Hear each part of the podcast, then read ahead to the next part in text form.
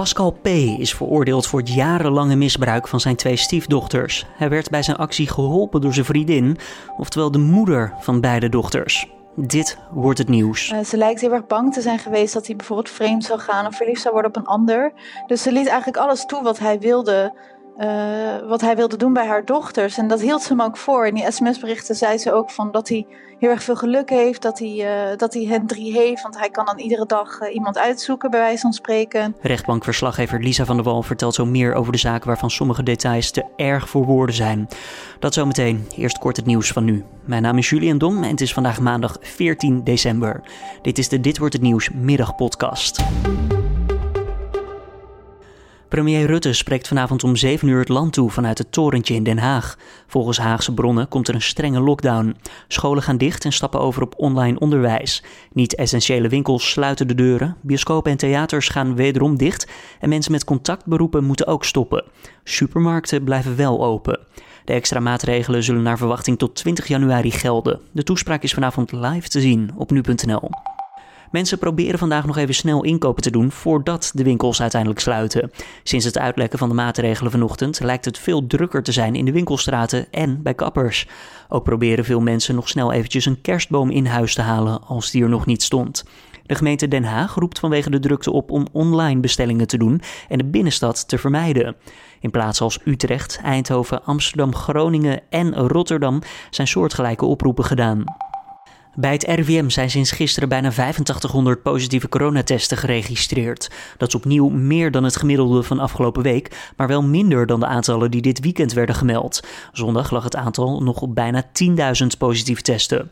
Vanwege de schommeling van de dagcijfers is het beter om naar de weekcijfers te kijken. Die geven namelijk een vollediger beeld van de situatie. Journalistiek onderzoeksnetwerk Bellingcat stelt dat de Russische geheime dienst FSB betrokken is geweest bij de vergiftiging van oppositieleider Alexei Navalny. Navalny werd in augustus vergiftigd met het zenuwgif Novichok, waarna hij ernstig ziek werd. Na enkele dagen werd hij overgebracht naar een ziekenhuis in Berlijn, waar artsen de vergiftiging ook daadwerkelijk konden vaststellen. Russische autoriteiten ontkennen stevast elke vorm van betrokkenheid. PSV neemt het in de 16e finales van de Europa League op tegen het Griekse Olympiakos. Ajax treft de Franse koploper Lille. De Amsterdammers moeten na de winter door in de Europa League omdat zij als derde eindigden in hun Champions League pool. PSV plaatste zich als winnaar van groep E van de Europa League voor de knock-outfase van het tweede Europese clubtoernooi. De eerstvolgende wedstrijden worden gespeeld op 18 en 25 februari.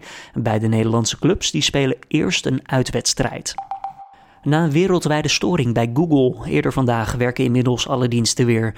Ongeveer een uur lang waren diensten als YouTube, Google Drive en Gmail niet of moeilijk bereikbaar. Het is niet duidelijk wat nou precies de oorzaak van die storing was.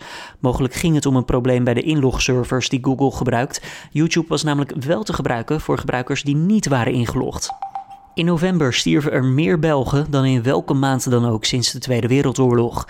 Inmiddels staat ook vast dat 2020 het dodelijkste jaar sinds 1945 wordt. Dat schrijft de Belgische krant De Standaard. Dit jaar zullen waarschijnlijk ongeveer 15.000 Belgen meer overlijden dan vanwege ouderdom, ongevallen en ziekte te verwachten viel. De zogeheten oversterfte was in de afgelopen 65 jaar niet zo hoog. Ook niet als er rekening mee gehouden wordt dat de Belgische bevolking inmiddels veel groter is. Dan ons nieuws van deze middag. Pascal P. heeft acht jaar celstraf en tbs met dwangverpleging opgelegd gekregen voor het jarenlange misbruik van onder meer zijn twee stiefdochters. De dochters werden vrijwel dagelijks misbruikt en de moeder van de twee liet dat onder haar toeziend oog gebeuren. Een zaak waar we over moeten praten en dat doe ik met rechtbankverslaggever Lisa van der Wal. Lisa, hoe kon het zo zijn dat P zo lang zijn gang heeft kunnen gaan binnen dit gezin? Nou, ik denk dat dat een vraag is die bij heel veel mensen leeft. Ehm, ik denk, eh, wat de rechtbank ook zei, is dat die moeder eigenlijk alles had kunnen voorkomen. Ze had hem niet hoeven helpen met het misbruik. Ze had aan de bel kunnen trekken. En dat heeft ze allemaal niet gedaan. In plaats daarvan heeft ze hem geholpen uh, met zijn daden. En zo heeft het misbruik eigenlijk gewoon meer dan tien jaar lang plaats kunnen vinden. Dat is misschien nog wel het opziensbarendste hè, aan deze zaak. Ik bedoel, elke misbruikzaak is erg, maar dat je hier hoort dat de moeder eigenlijk gewoon de dader helpt bij het misbruiken van twee dochters. Uh, ja, nou, simpel gezegd, je bek valt open als je dat hoort. Mm Ik denk inderdaad dat, dat, ook dat heel veel mensen dat walgelijk vonden aan deze zaak. Gruwelijk, heb ik ook wel uh, als woord genoemd horen worden. Kijk, je verwacht bij een moeder dat die haar kinderen beschermt. Op het moment dat zij merkt dat er, ehm, dat er een geval is van misbruik. Maar het tegenovergestelde is hier gebeurd. Zij heeft eigenlijk haar vriend geholpen. Uh, niet alleen met het verbergen van het misbruik, maar ook geholpen met bijvoorbeeld het halen van uh, medicijnen waarmee ze gedrogeerd konden worden. Ze heeft hem tips gegeven over hoe, hoe ze het beste te werk kon gaan bij, uh, bij haar jongste dochter. Om wat je voor kan tips het ging eigenlijk het? bijna niet verzinnen. Dat is een beetje te heftig om te zeggen. Dit is heftig, maar zo erg is het dus daadwerkelijk. Ja, zo, je, kan het, eh, je kan het echt bijna niet, eh, niet zelf verzinnen of, het, of, of ze heeft erbij geholpen. Ze heeft eh, volgens het Openbaar Ministerie stiekem foto's van ze gemaakt toen ze onder de douche stonden. Ze heeft zelfs, en dit, is, dit komt allemaal uit sms-berichten tussen de twee, besproken van welk vriendinnetje van hun dochters hij ehm, als volgende slachtoffer kon uitkiezen. Ehm, als het maar geen volwassen vrouw was. Dat was eigenlijk de, de insteek van Tanja. Wa- Wat was haar reden om eh, ja, dit te doen? Om, eh, om eh, ja, haar man, haar, haar vriend zo te pleasen, om, om een woord te gebruiken. Ja. Ja, het lijkt vooral dat zij niet wilde dat, het, dat hij haar zou verlaten van andere vrouw. Eh, ze lijkt heel erg bang te zijn geweest dat hij bijvoorbeeld vreemd zou gaan of verliefd zou worden op een ander. Dus ze liet eigenlijk alles toe wat hij wilde, eh, wat hij wilde doen bij haar dochters. En dat hield ze hem ook voor. In die sms-berichten zei ze ook van dat hij heel erg veel geluk heeft, dat hij, eh, dat hij hen drie heeft. Want hij kan dan iedere dag eh, iemand uitzoeken, bij wijze van spreken. Ehm, en, en, en, en zodoende, ja, ze- ze hield hem eigenlijk voor van, goh, wat je nu hebt, dat kun je bij niemand anders krijgen. Gewoon beschikking tot, eh, over drie vrouwen. Laten we dan even inzoomen op P voor nu. Eh, komen we zo meteen terug bij de moeder en eh, de dochters. Eh, ja, P, het lijkt alsof hij echt geen enkele vorm van grens had bij zijn acties. Hè? Is hij onderzocht? Eh, ja, hij is zeker onderzocht. Eh, dat is vrij gebruikelijk natuurlijk in zo'n zedenzaak. Ehm, en ja, het zal je niet verbazen, maar hij heeft onder meer de stoornis pedofilie. En hij zou ook hyperseksueel zijn. En ehm, als gevolg daarvan is hij verminderd toerekeningsvatbaar. Dus dat betekent eigenlijk dat zijn stoornis hebben doorgewerkt in wat hij eh, voor strafbaars heeft gedaan. En ik denk wat ook wel van belang is om hierbij te zeggen, is dat hij al eerder is veroordeeld voor een zedendelict. Dat was in 2004, ging een zedendelict eh, onder meer dus me- met kinderen. En eh, toen heeft hij ook al TBS ge- gekregen. En uiteindelijk vrijgekomen en toch weer zijn slag kunnen slaan. Nu dus bij dit gezin in Zeeland. Eh, die moeder, is zij ook onderzocht? Weten we daar wat van? Nou, dat is een eh, goede vraag die zegt. Dat, we weten nog niet heel veel over, over haar persoon, om het zo maar te zeggen. Omdat de, de zaak tegen haar stil ligt. Het is namelijk zo dat zij tijdens de inhoudelijke behandeling onwel werd. En toen is ze even de, zaal uitge, de rechtszaal uitgeleid. Ehm, en eh, toen is ze ook niet meer teruggekeerd die dag. En toen heeft haar advocaat gezegd van ze is niet meer, eh, ze is niet fit genoeg om te verschijnen op zitting. Er is een beetje gesteggel over wat er nou precies is. Want volgens de advocaat is zij eh, terminaal ziek. Maar ik, ik kreeg weer van anderen te horen van dat er niet een reden was om haar in die zittingszaal te laten plaatsvinden. Dat was door bijvoorbeeld een GGD-arts. Maar het is dus Eh, niet en- duidelijk dat die onwelwording bijvoorbeeld door, eh, nou, vanwege corona zou komen. Of vanwege bijvoorbeeld Nee, dat het zou, de druk het zou volgens rond de mij zaak. een nierziekte zijn. Het Een zou volgens mij een nierziekte moeten zijn. Ehm, maar goed, de rechtbank heeft uiteindelijk, eh, lang verhaal, maar gezegd van je moet gewoon naar de zitting komen. En eh, zij weigert dat en is een wrakingsverzoek is, eh, ingediend door de, de advocaten van de vrouw. Omdat zij vindt dat die rechtbank bevooroordeeld is door vooraf al te zeggen van ja, je kan gewoon naar die zitting komen. Ehm, en we willen geen second opinion over haar gezondheidstoestand. Dat wrakingsverzoek is afgekeurd. Uh, maar dat een en ander heeft er natuurlijk gewoon wel voor gezorgd dat er wat weken overheen zijn gegaan. Dus vanaf januari weten we meer over de rechtszaak van de moeder. En uh, dan moet bijvoorbeeld ook nog het requisitor volgen. We moeten wat meer horen over onderzoek naar haar psyche.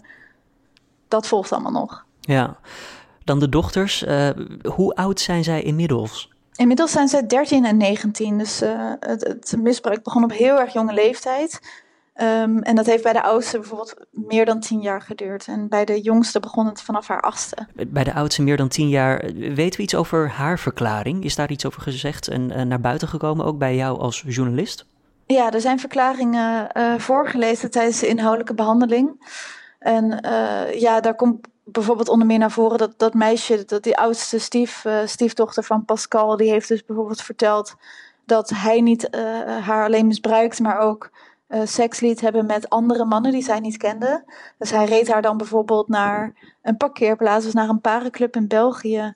En daar liet hij haar door uh, mannen misbruiken. En ze hebben eigenlijk ook aan de hand van haar verklaring ja, een, een soort tijdlijn vast laten stellen, kijken naar verschillende data en zo een berekening geprobeerd te maken van hoe, door hoeveel mannen zij is misbruikt. En het gaat dus mogelijk om honderden mannen. Honderden. Is iemand van uh, die andere honderden mannen, is daar iemand van uh, ja, uh, in het vizier gekomen van de politie of van de autoriteiten? Nee, jammer genoeg niet. Hier is wel onderzoek naar gedaan. Wat weten we over de gesteldheid van de beide dochters nu op dit moment? Inmiddels, je zei het al, 13, 19, jarenlang misbruikt. Hoe gaat het met hen? Uh, niet goed. Er is onderzoek gedaan naar hoe zij uh, te lijden hebben gehad onder deze situatie. En het zal je niet verbazen dat dat heel erg is. En uh, van, bij de oudste dochter is zelfs gezegd dat zij mogelijk nooit zal herstellen hiervan. En dat dus de psychische leed chronisch bij haar zal blijven. Ja, de vraag is natuurlijk, kun je ooit nog een normale seksuele relatie met iemand opbouwen als, uh, als dit is gebeurd? Ja, los van een seksuele relatie ook gewoon een vertrouwensrelatie. Vertrouwen. Nou, dat natuurlijk ook, want onderschat niet dat deze man, kijk, de vriend van de moeder, dat klinkt misschien wat afstandelijk, uh, als een stiefvaderrelatie, maar zij noemde deze man ook hun vader. Hij was uh, natuurlijk uh, meer dan tien jaar lang in hun leven. Um, en hij, hij deed zich ook voor als, als man die samen met hun moeder een gezin ging vormen. Um, en dus ja, onderschat ook niet van wat verband zij met hem hadden. En, en dat zij in een soort van loyaliteits kwestie terechtkwamen van ja, oké, als we het aan de uh, als we het melden aan iemand wat hier gebeurt, dan raken wij uh, dan raken wij Pascal kwijt. En als wij het niet toestaan wat Pascal bij ons doet, dan gaat hij weg bij onze moeder. En zij hielden natuurlijk, zij houden natuurlijk ook heel veel van de moeder. Uh, dus dat wilden ze ook niet. Dus ja, die, die, kinderen werden gewoon verscheurd hierdoor. Op die manier werd er gedaan alsof wat er gebeurde eigenlijk de normaalste zaak van de wereld zou zijn. Ja, ik weet niet of ze, of ze het echt. Ik, ik denk als je vanaf heel jonge leeftijd zoiets meemaakt, dat, dat het dan misschien uh, normaal is voor jou, maar dat het tegelijkertijd ook wel het gevoel is dat een en ander niet klopt. Nou, het is nu aan het licht gekomen en P wordt dus verantwoordelijk gehouden. Die moeder ook. In januari gaat die zaak verder. Uh, dan eventjes nog over die straf van P. Hè. Het is hoger dan de eis. Uh, hoe is de rechtbank daar uiteindelijk toe gekomen? Nou, eigenlijk vanwege de gruwelijkheid van de zaak. Want een strafeis is altijd opgebouwd uit um, uh, meerdere verdenkmakingen. Dus het OM vervolgde hem voor seksueel misbruik uh, kinderporno, het uh, mensenhandel. Dat klinkt heel raar, deze zaak. Maar dat, dat mensenhandel, dat is eigenlijk gewoon wat hij natuurlijk deed bij die oudste dochter. Dus weggeven aan, aan andere mannen. Dat, dat noemen we mensenhandel. Ja, het, het klinkt, ik snap dat het misschien als, als strafbaar feit een beetje gek klinkt. Maar dat is dus in die context. Um, en uh, het verkrachten van drie vriendinnetjes van de, van de meisjes. Uh, nou is de rechtbank heeft hem vrijgesproken voor twee van die uh, gevallen bij die vriendinnetjes. Dus die is uiteindelijk tot minder uh, bewezen feiten gekomen. Maar die vindt de zaak eigenlijk zo gruwelijk dat ze hebben gezegd... ja, die strafeis die doet eigenlijk geen recht aan wat hier gebeurd is. Dus we gooien er twee jaar bovenop. Want de officier van justitie, heel simpel gezegd... die telt eigenlijk gewoon de straffen bij elkaar op voor de losse daden. Die komen dan op een aantal jaar uit. En de rechtbank die neemt dan de vrijheid eigenlijk om dat te verhogen? Nou, het is niet echt een optelsommetje. Het is meer, je kijkt naar de zaak in zich heel, naar de gruwelijkheid ervan. En je kijkt natuurlijk van, goh, wat, wat kun je per delict vragen? Maar er wordt zeker ook naar andere zaken gekeken en wat daarvoor bijvoorbeeld is opgelegd. Nou valt een zaak zoals deze natuurlijk misschien niet één op één te vergelijken met een andere zaak.